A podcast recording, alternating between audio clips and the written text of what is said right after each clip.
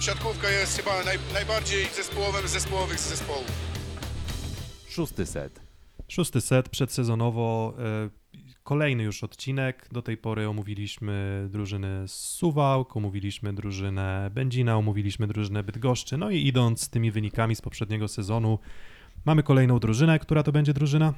Kuprum Lubin. Kuprum Lubin, tak jest. Poprzedni sezon chyba najsłabszy sezon od już kilku sezonów, tak? Bo oni tam dość często byli w okolicach, było nie było miejsca piątego, szóstego, siódmego, więc tam Lubin naprawdę wszedł do, e, do ligi bardzo mocno. E, Poprzedni sezon już taki udany nie był, no oni zakończyli na miejscu 11, wygrali te, te, te, te finalne, finalne mecze, e, nie wiem czy to baraże, playoffy, chyba playoffy, tak to, to trzeba byłoby określić z Bydgoszczą. Mm, No i rewolucja w składzie, tak? Rewolucja w składzie, bardzo dużo zmian.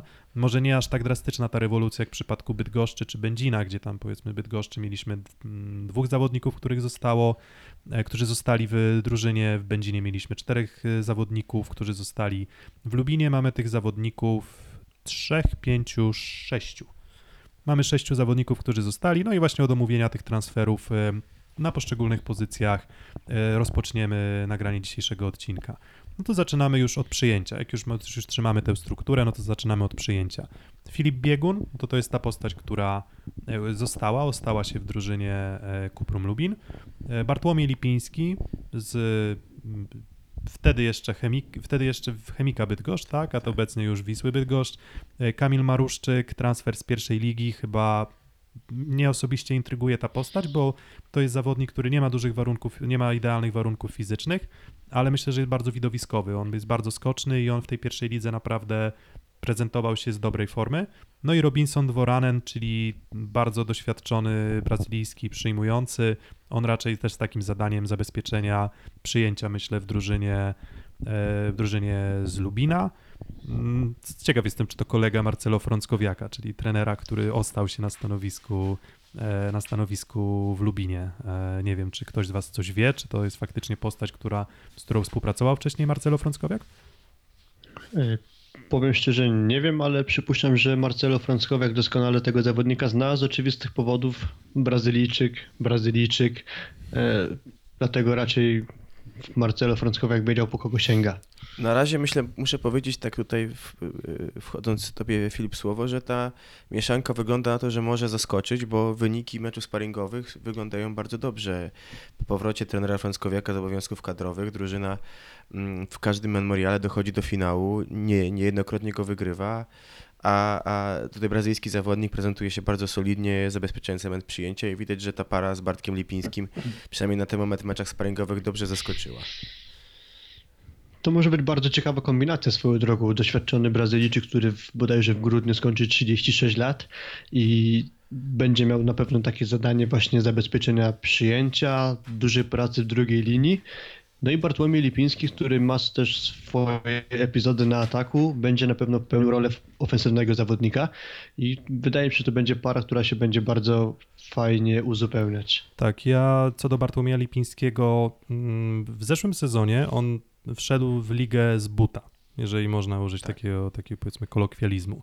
On wszedł, on wszedł w ligę bardzo mocno, on był postacią, po której w sumie też nie spodziewano się bardzo dużo, chociaż on przychodził chyba z Serie A2, prawda? Jeśli, jeśli dobrze pamiętam. Tak.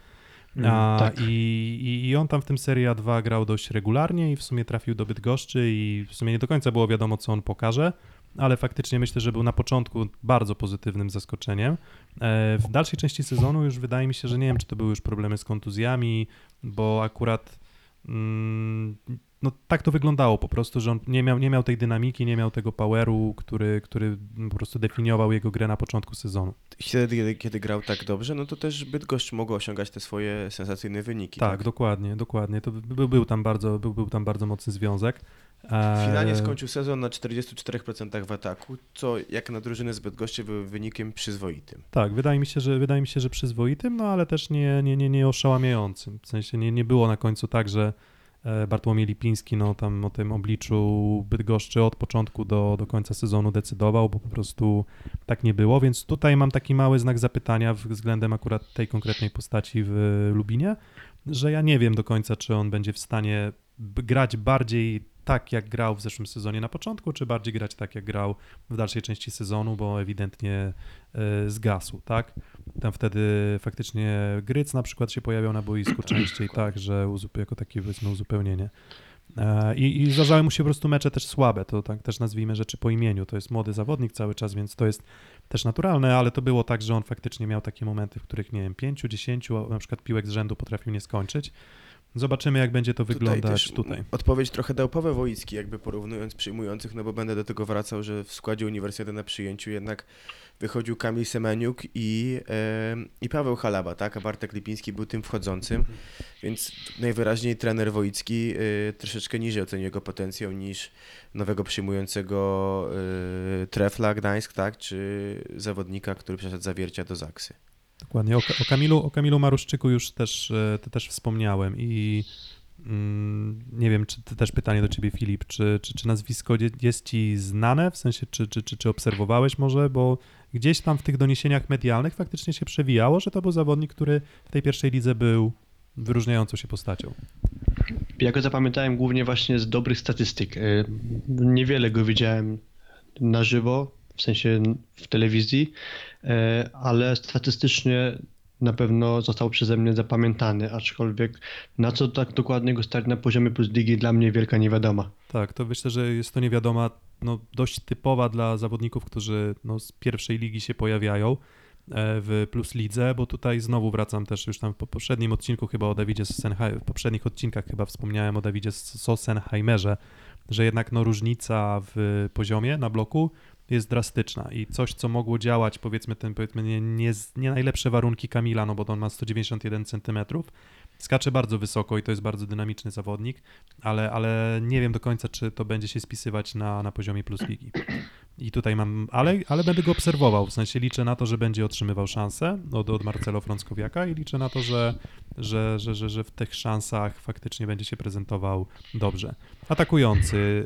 y, Kolejna osoba, która ostała się w Lubinie, kurczę, ostała się, już cały czas mówię ostała, została w drużynie z Lubina mm, Jakub Ziobrowski, to jest atakujący, mm, tam element, członek y, tej, tego powiedzmy złotego, złotego pokolenia e, juniorów, tak? Mm, Juniorów, kadetów, tak. juniorów, juniorów, kadetów tej niepokonanej drużyny tam przez te chyba parę dziesiąt spotkań, prawda? Jakoś tak to. Sebastiana Pawlika. Tak jest. Sebastiana Pawlika i no i Damian Domagała to jest ta nowa postać na, na pozycji atakującego. Czyli de facto reprezentacyjny kolega Jakuba Ziobrowskiego, też właśnie z tego rocznika juniorów i kadetów, tego samego. Dokładnie, no więc doświadczenie nie będzie atutem tych zawodników, mm, no bo to nie są, nie są to ograni zawodnicy na poziomie, na poziomie plusligowym. Jak, jak oceniacie to zestawienie e, na ataku? Właśnie Filip, kto twoim zdaniem będzie tutaj pierwszym atakującym? Czy Kuba Ziobrowski, który w poprzednich sezonach miewał mecze fantastyczne, a miewał też mecze bardzo słabe i wydaje mi się, że jego największym problemem jest regularność? Czy powracający z Włoch Damian Domagała? Czy wielką zagadką dla mnie Damian Domagała, który spędził dwa sezony we Włoszech w, na poziomie Serie A, ale bardzo mało grał, a zwłaszcza w zeszłym sezonie. O ile dwa sezony temu zdarzało mu się na i tak mało, ale czasami na boisku pojawić za Bena Pacha, o tyle w zeszłym sezonie Vibo Valenti jego rywalem i takim można powiedzieć niedoścignionym był Mohamed Al-Haddadi, który grał świetnie i, no i raczej był postacią nie do wyjęcia z tego zespołu. Damian Domagała tak reasumując bardzo mało we, w tych Włoszech przybywał na boisku. Z tego względu nie jestem w stanie sobie wyobrazić na co go stać. E, także sądzę, że pierwszym atakującym będzie Jakub Ziobrowski. Ale tak czy tak ta para, wydaje mi się, że to będzie pięta Hillesowa zespołu z Lubina. Troszeczkę trener Frąckowiak na razie rotuje w meczach sparingowych. Tak, tak, A i też, też, też, też, tak tak właściwie a propos trenera Frąckowiaka, no to on ściągnął zawodnika, którego świetnie zna, czyli Damiana Domagałę, bo mm, w jednym z sezonów właśnie Vibo Valenti Frąckowiak e, został trenerem e, Damiana Domagały. No to w sumie, to w sumie ciekawe, to tego, tego nie wiedziałem. E, Myślę, bardzo, bardzo fajna, bardzo fajna ciekawostka. Ja też stawiam na Kubę Ziobrowskiego mimo wszystko. Mm, No mnie, mnie akurat on nie przekonuje, w sensie po prostu nie wiem, nie sądzę, żeby to była skala talentu na jakieś poważne granie i, i, i wydaje mi się, że, że, że biorąc pod uwagę, że my akurat jeżeli chodzi o pozycję atakującego nawet w reprezentacji, to poza Bartoszem Kurkiem, no wydaje się, że są zawodnicy do wygryzienia, ale nie powiedziałbym, że Jakub Ziobrowski ma jakieś duże szanse Pełna na to, żeby, e, żeby, żeby na ten poziom reprezentacyjny wskoczyć. Co znowu, jak już się powtórzę, co nie oznacza, że on nie może być po prostu solidnym atakującym ligowym. Mm, ale, ale to też nie oceniam tej powiedzmy pozycji atakującego, obsady pozycji atakującego w Kuprum jako wybitnej. W sensie nie, nie, nie wydaje mi się, żeby to miały być postaci, które nie wiem, no byłyby w stanie nawet nawiązać do, nie wiem, no już powiedzmy drużyn z wyższej części tabeli, to już nawet nie wspominam, ale nawet mówię tutaj, nie wiem, o, e, o, o przykładowo w Ślepsku Suwałki, o, o, o Bołądziu, tak? Myślę, że Bołądź jest po prostu lepszym atakującym niż, niż Jakub Ziobrowski. Tutaj z wami się zgadzam w 100%, więc y, jeżeli gdzieś mielibyśmy się tutaj pewnie doszukiwać pewnych mankamentów, to jest to właśnie na pozycji atakującego e, w zespole z Lubina. Dokładnie. No to skoro atakujących, atakujących mamy omówionych, no to środek. Przemysław Smoliński, on został w drużynie? Nie ostał się tym razem. Mateusz, Mateusz Sacharewicz, nowa postać. e, Zaksa Kędzierzyn-Koźle Tak, w poprzednim tak, tak. sezonie. e, Maksim Morozał, e, kolejna postać obok Bartłomieja Lipińskiego, która dołączyła e, z Bydgoszczy z zeszłego sezonu. Moim zdaniem bardzo dobre transfery, e, patrząc na potencjał zawodników, patrząc też na możliwości finansowe zespołu z Lubina. Bo tak, Mateusz Sacharewicz poprzedni sezon duży zawód, bo spodziewałem się po nim, że troszeczkę e, namiesza w drużynie Zaksy na środku, bo po fantastycznym sezonie w Bydgoszczy, gdzie był najlepszym blokującym w fazie zasadniczej, spodziewałem się po nim, że będzie to zawodnik, który będzie sporo grał i odciążył mocno Łukasza Wiśniewskiego. Nie, tak się nie stało. Był najrzadziej grającym ze środkowych i myślę, że ma sporo do udowodnienia e, w lidze, e, wracając teraz. Natomiast Maksim Morozow, tak jak mówiliśmy już przy, przy Bydgoszczy, e, Kielcach prezentował się bardzo solidnie, tak samo było w Bydgoszczy i bardzo rozsądny transfer drużyny z Lubina, bo, bo jest to środkowy, który gwarantuje te 7-8 punktów na mecz, e, szybko dołączający do bloku, który też na, w ataku zazwyczaj dysponuje skutecznością powyżej 60-70%. Tak, Morozał, Morozał nie wyglądał też źle na Mistrzostwach Europy, tak? Co prawda akurat... Białoruś wyglądała średnio. Akurat Białoruś wyglądała średnio, no ale akurat Maksim Morozał nie, nie wyglądał, nie wyglądał tutaj źle. E, Nie wiem do końca, jak będzie z Mateuszem Skarewiczem. Może tutaj jakbym miał doszukiwać się y, pewnych problemów, y, jeżeli chodzi o obsadę środka, no to bym powiedział, że ani Sacharewicz, ani Morozał to nie wydają mi się być zawodnicy wybitnie elastyczni w ofensywie, tak? Czyli gdzieś tam może te bardziej niedokładne piłki, mm, o rozgrywających zaraz opowiemy, ale ale, ale te, te bardziej niedokładne piłki mogą im jakieś tam problemy sprawiać, więc raczej nie spodziewałbym się, że to są goście, do których wrzucisz piłkę, nie wiem, z, z, trzeciego, z trzeciego metra. Na pewno nie do Sacharewicza, może tak. E, Do Morozała to może jeszcze, ale do Sacharewicza nie. Mm, Ale jeśli chodzi o samą, powiedzmy, czutkę w bloku, to wydaje mi się, że to są dwa dobre transfery. Myślę, że na pewno wybrałbym tę parę aniżeli zawodników, którzy odeszli, czyli Damiana Borucha i Mariusza Marcyniaka, dlatego krótko mówiąc sądzę, że to jest duże wzmocnienie na tej pozycji w lubińskim zespole. Mm, Dokładnie. Rozgrywający Maciej Goszkiewicz, kolejna postać, która została. On w zeszłym sezonie e, z Kertem Tobalem rywalizował o miejsce w składzie. I... Grali dość wymiennie. Tak, grali dość, grali dość wymiennie. Może można nawet powiedzieć, że w pewnym momencie Maciej Goszkiewicz e, wygryzł e, Kerta Tobala, bo on bądź powiedzmy gdzieś tam dostawał tych szans sporo i jak występował, to te, te, te, jego występy były naprawdę niezłe. E, Ale mamy też nową postać i to jest kolejny mm, rozmawiający po portugalsku zawodnik w drużynie.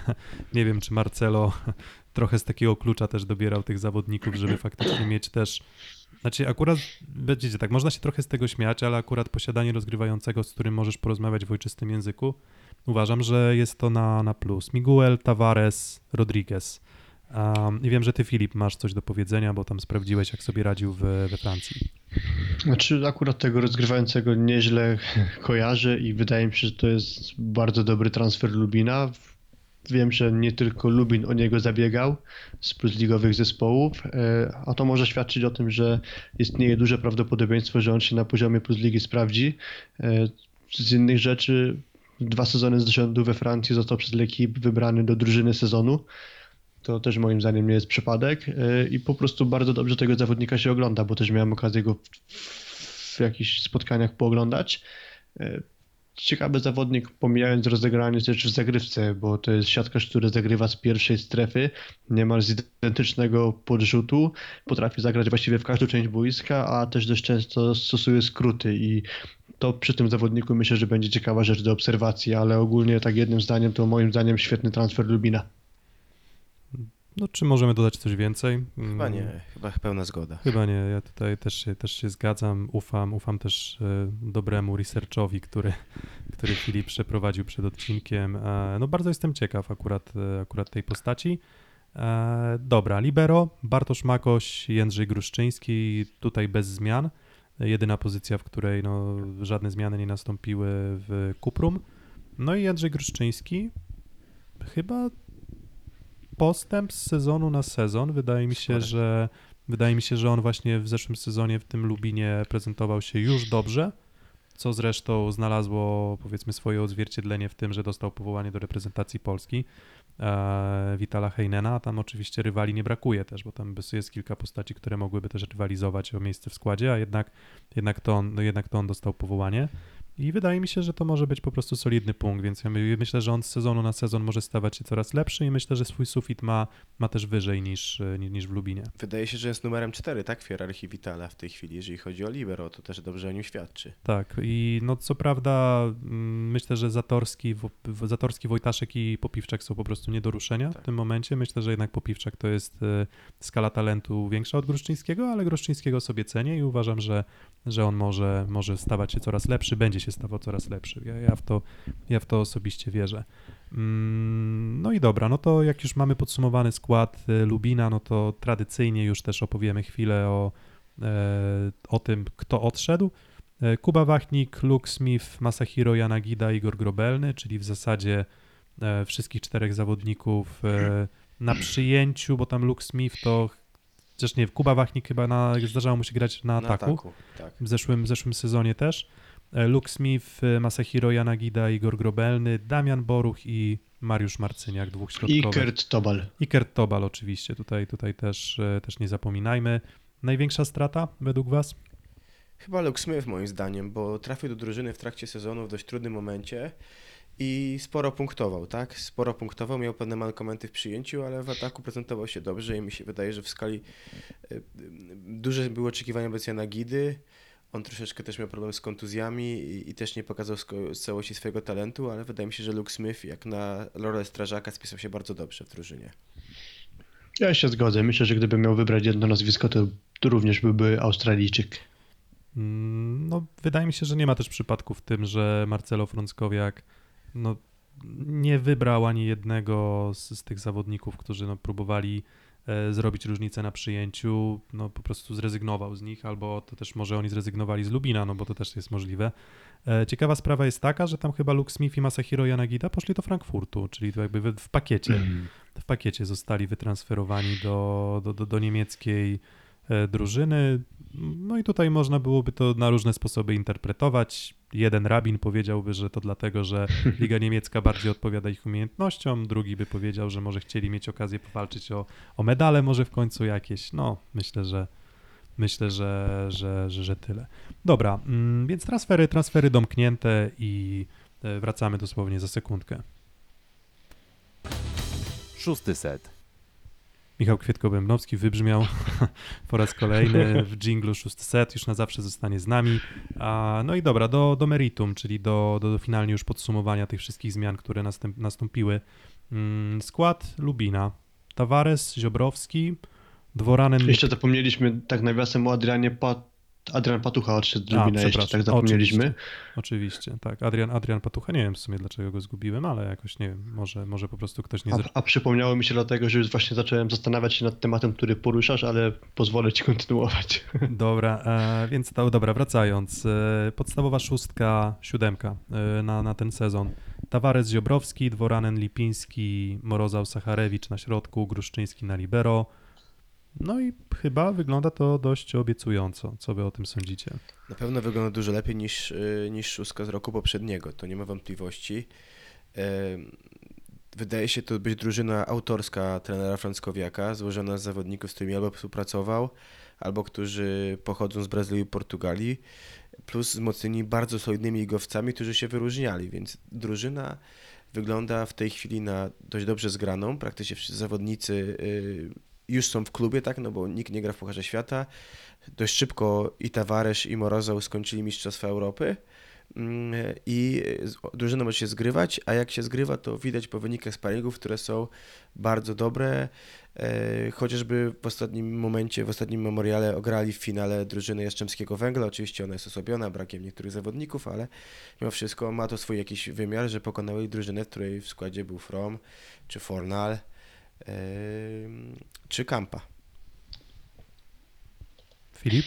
Zabrakło mi tutaj solidniejszego wzmocnienia na pozycji atakującego. Mi się wydaje, tak jak zresztą już wcześniej wspomniałem, że to będzie pięta Achillesowa tej drużyny. O ile na libero został status quo, tak na pozostałych pozycjach uważam, że poczyniono solidne wzmocnienia. No jedynie ten, e, ten atak budzi moje pewne obawy, ale sądzę, że z bardzo solidną drużynę względem poprzedniego sezonu udało się zbudować trenerowi Franckowiakowi i będzie to drużyna przyjemna do oka dla oglądania. Przechodzimy od razu do typowania miejsca, które Mm. byśmy Znaczy dobra, to, to, to znaczy, może jeszcze jedno pytanie z mojej strony, bo tak zachwy, znaczy zachwycamy się. No, może nie zachwycamy się, ale generalnie wszyscy jednoznacznie oceniamy, że te transfery były dobre. No i teraz tak, no dobra, no to, to co jest problemem, tak? W sensie, jeżeli jest tak dobrze, no to pytanie, co może być problemem Lubina? W sensie, no okej, transfery dobre, no ale. Czy jest ale? No, właśnie ten atak, moim zdaniem, obsada ataku. Moim zdaniem jakakolwiek kontuzja pierwszej szóstki e, w pierwszej szóstce i będzie problem, tak? Bo, bo nie ma równorzędnych, w mojej ocenie praktycznie nikt nie ma równorzędnego zastępcy poza tutaj Ziobrowskim, jeżeli, jeżeli wierzyć w skalę talentu Damiana Domagały. Mm, No ja myślę, że tak. Obawia, czego, czego się obawiam, to tego, że e, jeżeli Ziobrowski i Dworanen no nie będą sobie radzili zbyt dobrze na, w ataku na wysokiej piłce, e, to nie wiem, czy. Bo, bo te, tego się po prostu trochę też obawiam. W sensie z Ziobrowskim to by akurat bywało różnie w poprzednim sezonie, ale nie wiem, czy Lipiński, Lipiński to udźwignie i wydaje mi się, że tej mocy na skrzydłach może po prostu w pewnym momencie Lubinowi brakować. To może być drużyna, tak, wierzę, że drużyna miła dla oka i grająca do, dobrą, poukładaną siatkówkę, ale, ale, ale, ale tutaj widzę jakiś tam ich problem. No i właśnie, jak już zdefiniowaliśmy problemy, zdefiniowaliśmy atuty, no to teraz pytanie sakramentalne. Które miejsce? Ja, by, ja bym tutaj zastosował bardzo podobny sposób myślenia jak w przypadku Będzina, czyli miejsce 7-10, miejsce 7-8-10, czyli powalczą o playoffy, bo też wydaje mi się, że to są drużyny bardzo zbliżone personalnie. Ja się zgadzam. Powyżej miejsca 11 widzę zespół z Lubina, a poniżej 6. Tak, no wydaje się, wydaje się, że tak, Bydgoszcz, no to jak już w poprzednim odcinku, do którego wysłuchania oczywiście zachęcamy, raczej widzimy na, na miejscu ostatnim. Ślepsk, Suwałki, myślimy, że właśnie gdzieś tam 12, 13, a, no to gdzieś ktoś będzie musiał zająć te miejsca też i wyżej. No i właśnie ja podobnie myślę, że, że, że taki Będzin i Lubin to są drużyny o dość zbliżonym potencjale. Drużyny autorskie, drużyny no, dwóch, co by nie mówić, wyrazistych trenerów, którzy no tutaj po prostu postawili, e, postawili mocno na, na, na, na, na, na swoje karty i te karty moim zdaniem, które mają w talii są dość dobrymi kartami. Więc myślę, że bardzo, bardzo podobnie. W sensie cały czas uważam, że no raczej nie playoffy, to podobnie jak z Będzinem, tutaj się nie zgadzamy, bo wy tam mówicie, że może gdzieś tam w okolicy. Okej, no może to będzie miejsce dziewiąte, dziesiąte, jedenaste, ale jednak spodziewam się, że, że jednak będą ciutkę, mm, ciutkę odstawać, że ta ósemka jednak się wykrystalizuje dość mocna. Mm, I, i, i takie, jest, takie jest moje zdanie. Czy coś jeszcze macie do dodania? Myślę, że będzie się drużynę z Lublina oglądać przyjemnie i oby przeciwieństwie do poprzednich sezonów trybuny się bardziej zapełniały. Tak, no to jest, to, to faktycznie jest mankament e, no, tych wszystkich widowisk w zasadzie transmitowanych z hali w Lubinie, siatkarskich oczywiście, że, że po prostu nie ma tam jakiegoś bardzo dużego zainteresowania kibiców.